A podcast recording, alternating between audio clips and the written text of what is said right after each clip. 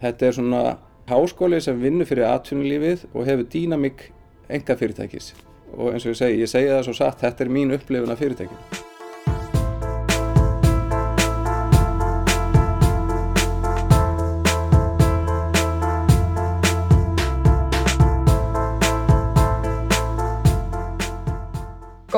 Kæru hlustendur og verið velkomin í þennan fyrsta þátt af matvælinu, hlaðvarpi Matís um rannsóknir og nýsköpun í matvælaframlegslu. Ég heiti Ísei Dísa og í lok síðasta ás byrjaði ég að vinna við miðlunarmál hjá Matís. Ég get alveg sagt það eins og það er að ég hef oftar en ég hef tölu á mátt útskýra það fyrir vinum og fjölskyldu hvað Matís er. Því þó flestir hafi kannski heyrt um fyrirtæki þá veit ekki jafn margir hvað það er eða hvað það gerir eða fyrir hvert það starfar. Í þennan fyrsta þátt hlaðvarpsins, sem er í raun stuttur kynningaþáttur, fjekk ég því til minn í viðtal Hákon Stefánsson, stjórnarforman Matís, til þess að varpa ljósi á akkurat þessa hluti. Hér í upphafi heyrðu þið brot úr viðtalinu þar sem Hákon lísti sinni sín á fyrirtækið sem ramaraði raun nokkuð vel inn. Í þáttunum sem á eftir koma mun ég fá til mín fleiri viðmælendur sem munu allir með sínum hætti gefa okkur insýn í verkefni sem annarkort tengjast eða hafa verið unnin hjá Matís og ég get alveg lofa ykkur því að þau eru ótrúlega fjölbreytt og áhugaverð. Verður prótein uppspretta framtíðarinnar til dæmis skortýraprótein? Eða hvernig fer hugmynd að vinna smáframleðenda í tilraunaeldhúsinu fram og er hægt að nota þara sem metanmingandi góðgerðla fyrir kýr eða jáfnvel í matfæli handa mannfólki. Umræður um þetta og margt fleira er það sem koma skal í matfælinu. Ég ætla núna að gefa Hákonni Stefánsinni orðið aftur en hann byrjaði á því að segja mér aðeins frá sínum bakgrunni. Ég er, minn bakgrunnur er, er úr lögfræði, lærið lögfræði í háskólanum, kem frá Dalvík, var í mennskólanum á Akureyri og hef verið að vinna í fyrirtæki sem heitir Great Info Group, var líka í lögumennsku og það kom inn í stjórn Matís 2019 þannig að um, held ég sumar eða hösti 2019 og hef búin að vera þar síðan þá sem stjórnarformaður. Já, Matís er í raun því er ætlað að styðja við Íslands atvinnulíf í og sérstaklega er að kemur að, að nýsköpun og, og, og hérna, að finna tækifæri og það tengist inn í eins og sjáarútvegin og, og landbúnaðin og matfælaframlegslu sérstaklega. Og þetta er eitthvað sem er skýrt tekið fram í lögunum þannig að það er, það er hluti þess að rækta þetta hlutverk og skiptir mjög miklu máli. Og það getur verið gert á ólíkan hátt. Það getur verið gert á þann hátt að það sé bein aðkoma að að verkefnum hérna á Íslandi þá með íslenskum fyrirtækjum. E, þetta getur við farið í sér þáttöku í ellendu samstarfi e, og þá á oft matist þátti því að draga inn eða að þeim verkefnum íslensk fyrirtæki eða þá að benda íslenskum fyrirtækjum og tækifæri á að, að sækja um styrki til þróunar á, á hverju svo sem er sem tengist matfæleðinaðinum og þannig verður til svona aukinn þekking þar sem að menn eru þá farin að vinna jafnvel í samstarfi við önnur ellend fyrirtæki út með íslenskt fyrirtæki út með Matís sem er að vinna með einhverjum sambarlegum fyrirtækjum ellendis frá og það er auðvitað ekki síður mikilvægt að rækta það uh, fyrir utan það auðvitað að fá fjármagn ellendis frá í, í svona verkefni skiptir líka mjög miklu máli. Þannig að þetta er uh, í raun lítur þetta að, að styðja við Íslands atvinnulíf, matvæla viðnaðin og, og fyrirtæki hefur staðið sér mjög vel í því. Mm. Hvernig, þú veist, gæti einhver leikmaður úr íslensku atvinnulífi, hvernig gæti hann sótt í rauninni þjónustu matís? Gerist yfirleitt þannig að uh, ef að fyrirtæki er með einhverja hugmynd um, um að gera einhverja breytingu eða gera einhverja prófanir á einhverju nýju uh, þá til dæmis auka hotlustu í, í matfælum eins og, og hérna frækt er hérna, grímur kokkur og fiskibólunar hans sem var unni í, samstarfi mati sem þá hafa aðilar út í atvinnulífinu áhuga á að gera breytingar. Þeir setja sér þá mögulega í samband við matís og Matís getur þá veitt þá ráðgjöf sem þarf og, og þarf að taka sína þóknun fyrir með einum eða öðrum hætti því að það er ekki sem ofinbært hlutafélag og þarf að standa undir sínum rekstri, að hluta til kemur það frá ríkinu peningarnir en öðru leiti kemur það úr sjóðum þar sem hefur að veita styrki í verkefni eða frá fyrirtækjunum sjálfum. Þannig að þetta er svona blanda af, af styrkjum og svo viðskiptafinnum sem borgar fyrir þjónustuna og síðan framlægi ríkisins. E, og fyrir fyrirtæki þá, eins og ég segi, ef að aðalar hafa hugmynd sem að lítur að einhverju í tengslu með matvælavinnslu þá er mjög einfalt mál að hafa samband við matís og bara taka fyrsta spjalli það skiptir svo miklu máli að átta sig á því ok, ég er með þessa hugmynd og er einhver möguleiki að vinna þetta með ykkur eða hvernig ætti ég að haga mér? Og þá veit ég að starfsfólk matís hefur mjög duglegt í því að leiðbenna fólki hvernig, hvað á að gera. Og það fer ég að byrja að skoða þá ok, er ég mögulega hægt að segja styrk út á svona verkefni og þannig svona tekur ótrúlega mikinn þátt í einhverjari og jafnvel þó að sé bara hugmynd og svona eða pæling þá kemur Matís ótrúlega fljótt að því og svona stiður viðkomandi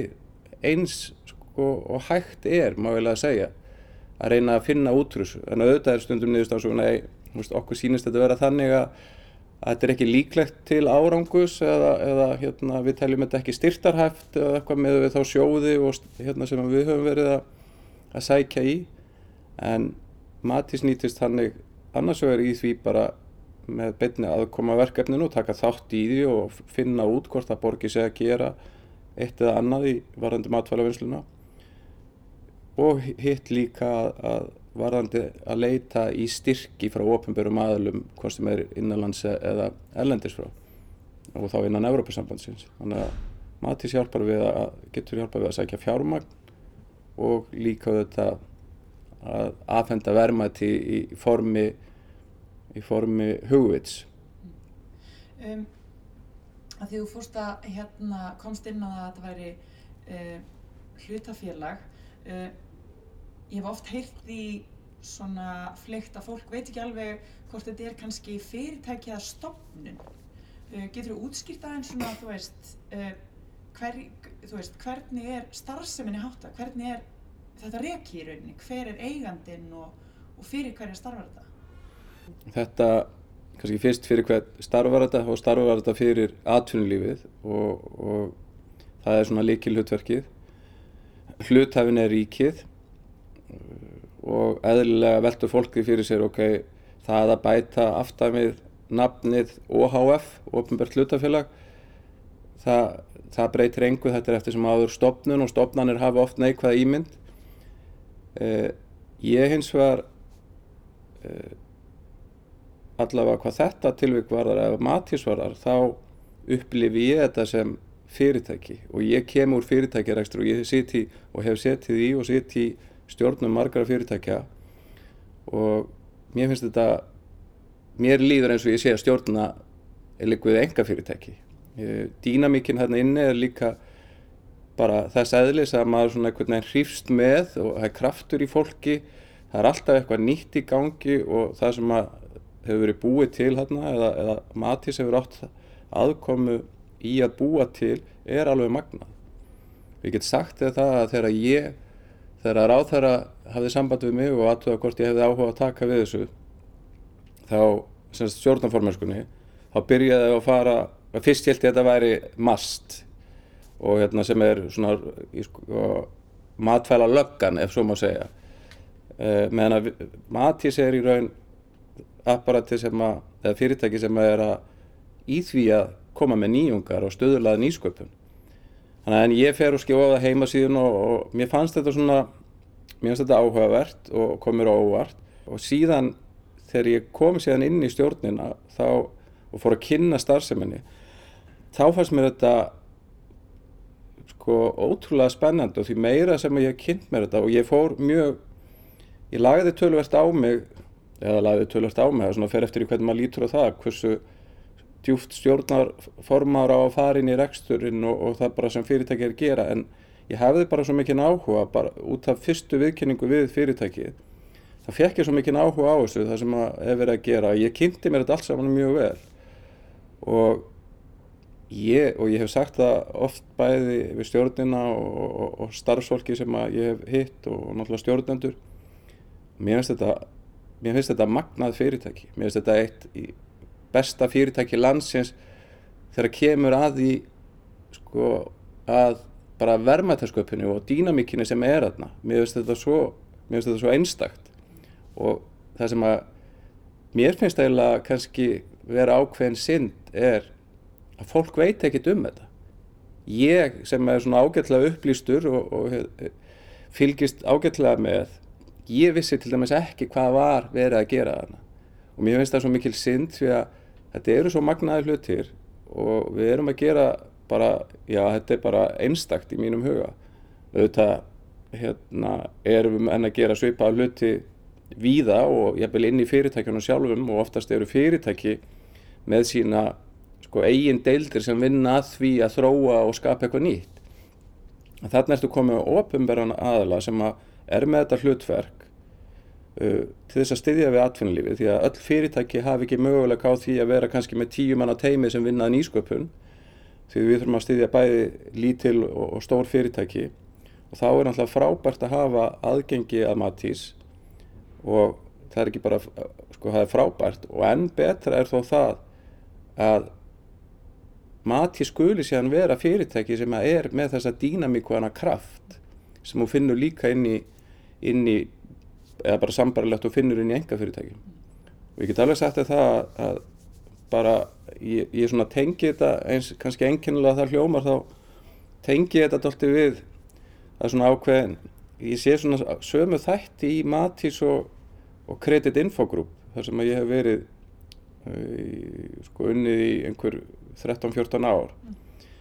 Þegar Credit Info Group byrjaði með fyrirtæki á Íslandi sem heitir Lánströst sem að sapna og deila upplýsingum um fjármál, einstakling og fyrirtækja. Þannig að lánveitendur áttu auðvelt með að lána peninga þegar gáttu skoðað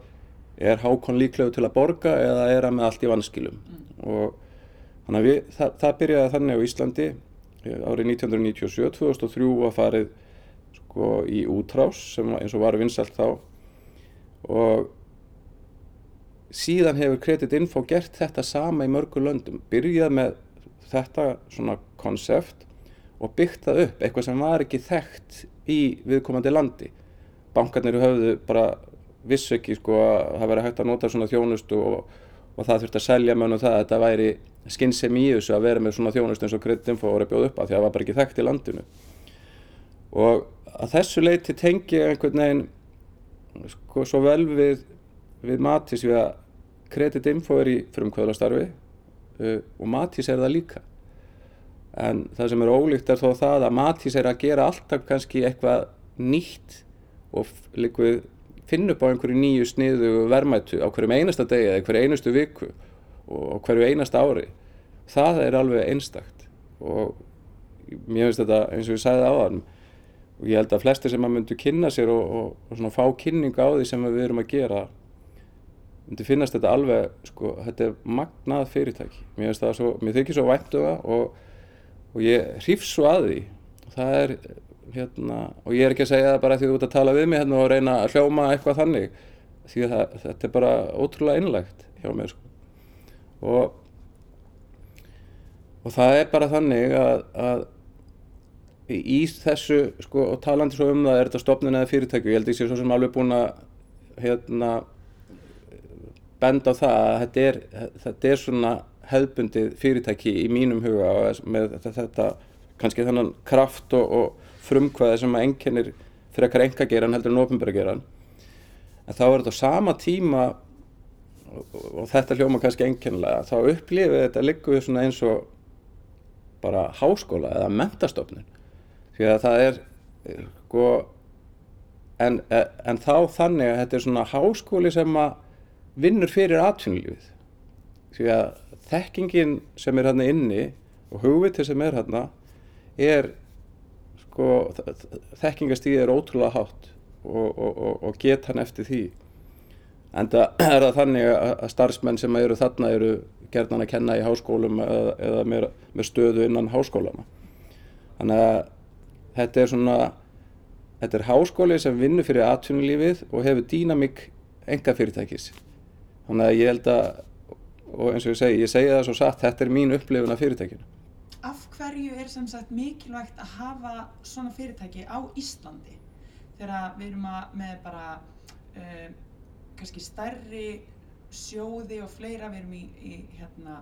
alltaf í uh, einhverjum tengslum við útlönd og, og svo leiðis, hvers vegna er mikilvægt að hafa fyrirtæki eins og Matís á Íslandi? Heimurinn allur er einn markaður og þetta snýst um samkeppni og við þurfum að búa okkur til sérstöðu og við viljum vera betra en, en aðrir. Eh, við viljum, við viljum tryggja að íslensk matvæli hafi sérstöðu og, og séu þekkt fyrir gæði og, og svona eftirsoknaverð. Það, það, þetta býr til verðmæti. Það er miklu minni líkur á því að einhverjir erlendir aðalar hafi kannski áhuga að fara að sinna og styðja við íslensk fyrirtæki og við viljum að verðmættin verði til hér innanlands og þekkingi verði innanlands þannig að við séum minna viðkvæm fyrir því að hún bara flýtist í burtu einn daginn. Uh, og í mínum huga skiptir þetta rosalega miklu máli. Mann getur síðan aftur deilt um það í hvaða sko, í hvaða formi þetta á að vera hvort þetta eigi að vera í, í einhverju ofinberu hlutafélagi á vegum ríkisins eða gert, eða ríki deila fjármagnu út með öðrum hætti eða hvernig svo sem það er. En það sem að skiptir mestu máli eru þetta þessi stuðningur við atvinnulífið því að og, og þessi nýsköpun hún býr einfallega til aukin verðmætti fyrir fyrirtæki og enda, enda sjáum við það bara þetta, þetta snýst allt um það að vera fyrstur með að koma með eitthvað nýtt búa sér til sérstöðuna tryggja sko uh, samkefnustöðu eða bæta samkefnustöðu auka verðmættin því annars svo eru við kannski bara til að setja þetta í samhengi veist, annars svo eru við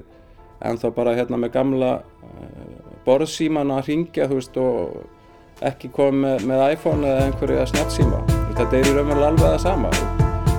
matvæla yðnaðurinn hann þróast eins og hvað annað og ef við hérna, fylgjum ekki því þá bara sitjum við eftir og, og töpum peningum. Við látum þetta vera loka orðin í þessum fyrsta þætti af matvælinu. Ég þakka Hákonni Stefánsinni stjórnarformanni kærlega fyrir að upplýsa okkur um það hvað matís er og hvað það gerir og ég hlakka til að fá frekari insýn í starfseminna í komandi þáttum. En þanga til næst, það gott!